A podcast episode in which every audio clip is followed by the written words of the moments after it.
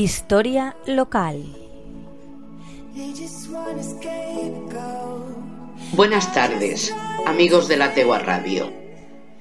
Seguimos hablando de la prosperidad que alcanzó Monóvar en la segunda mitad del siglo XIX.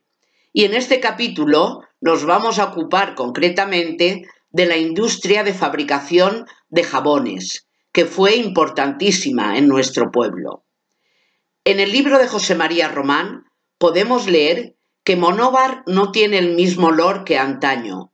Concretamente, se refiere a ese intenso olor de cera, de aceite de coco, glicerinas, jabones, etc., que al caminar por las calles cercanas al antiguo colegio de la Divina Pastora, te denotaban que estabas en una zona industrial de gran categoría. En las cercanías había fábricas de jabones, de cera, de harinas y una infinidad de talleres familiares que trabajaban para esos colosos, para que no se averiasen ni se detuviesen. Y estos servicios, a la vez, amparaban a todos estos talleres que regían Francisco Martínez Mollo, Ramón Jiménez en Forja, José Pérez del Valencià, Fermín Prats y Gaspar Payá en mecánica, José Serrano, tornero, Joaquín Pérez Cambra, chapistero, Julián Pérez Cambra, soldadura, Enrique Corbimarín en carpintería y transportistas de infinidad de capacidades, etc.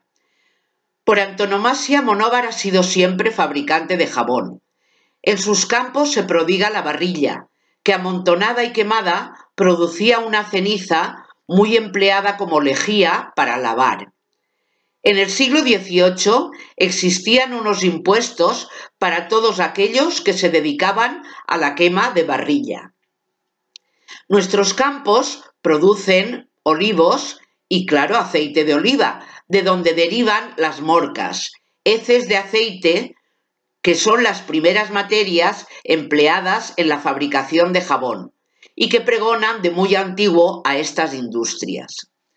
La fábrica más grande en producción y operarios y capital fue el Sol. Le seguirían las demás con menos importancia. La fórmula y el método de elaboración del jabón en los años 1850 era la siguiente. Aceite de oliva 1,5 litros. Lejía de ceniza de barrilla 4 litros. Sosa corriente, 1000 gramos. Colofonía o resina de pino, 255 gramos. Cal viva, 500 gramos. Y ácido sulfúrico, 0,10 gramos. El proceso de fabricación es el siguiente. Primero, en una vasija se disuelve medio litro de aceite con la colofonía. Segundo, en dos litros de lejía de ceniza se disuelven al calor mil gramos de sosa. A esta disolución se le agrega en pequeñas porciones el aceite que tiene disuelta la colofonía. Tercero, con los dos litros de lejía restante se disuelve la cal viva, procurando separar las partículas de cal que no se disuelvan, y se añade a la mezcla el aceite.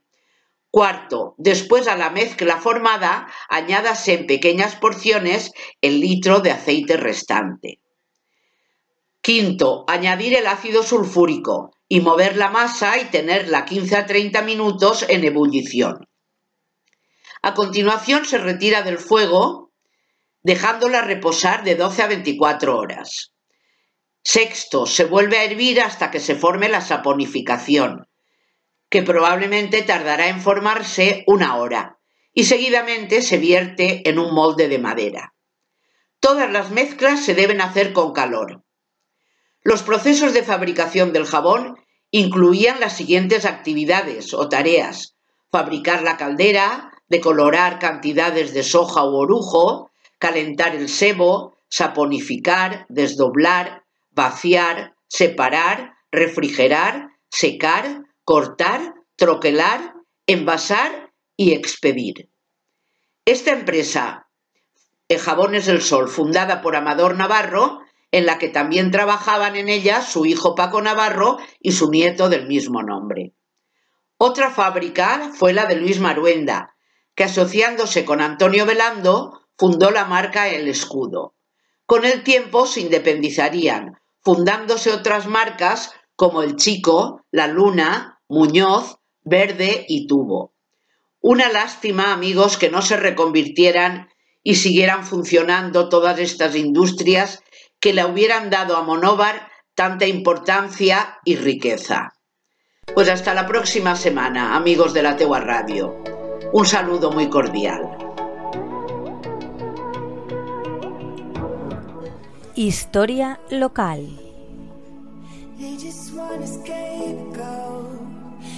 just tried to fit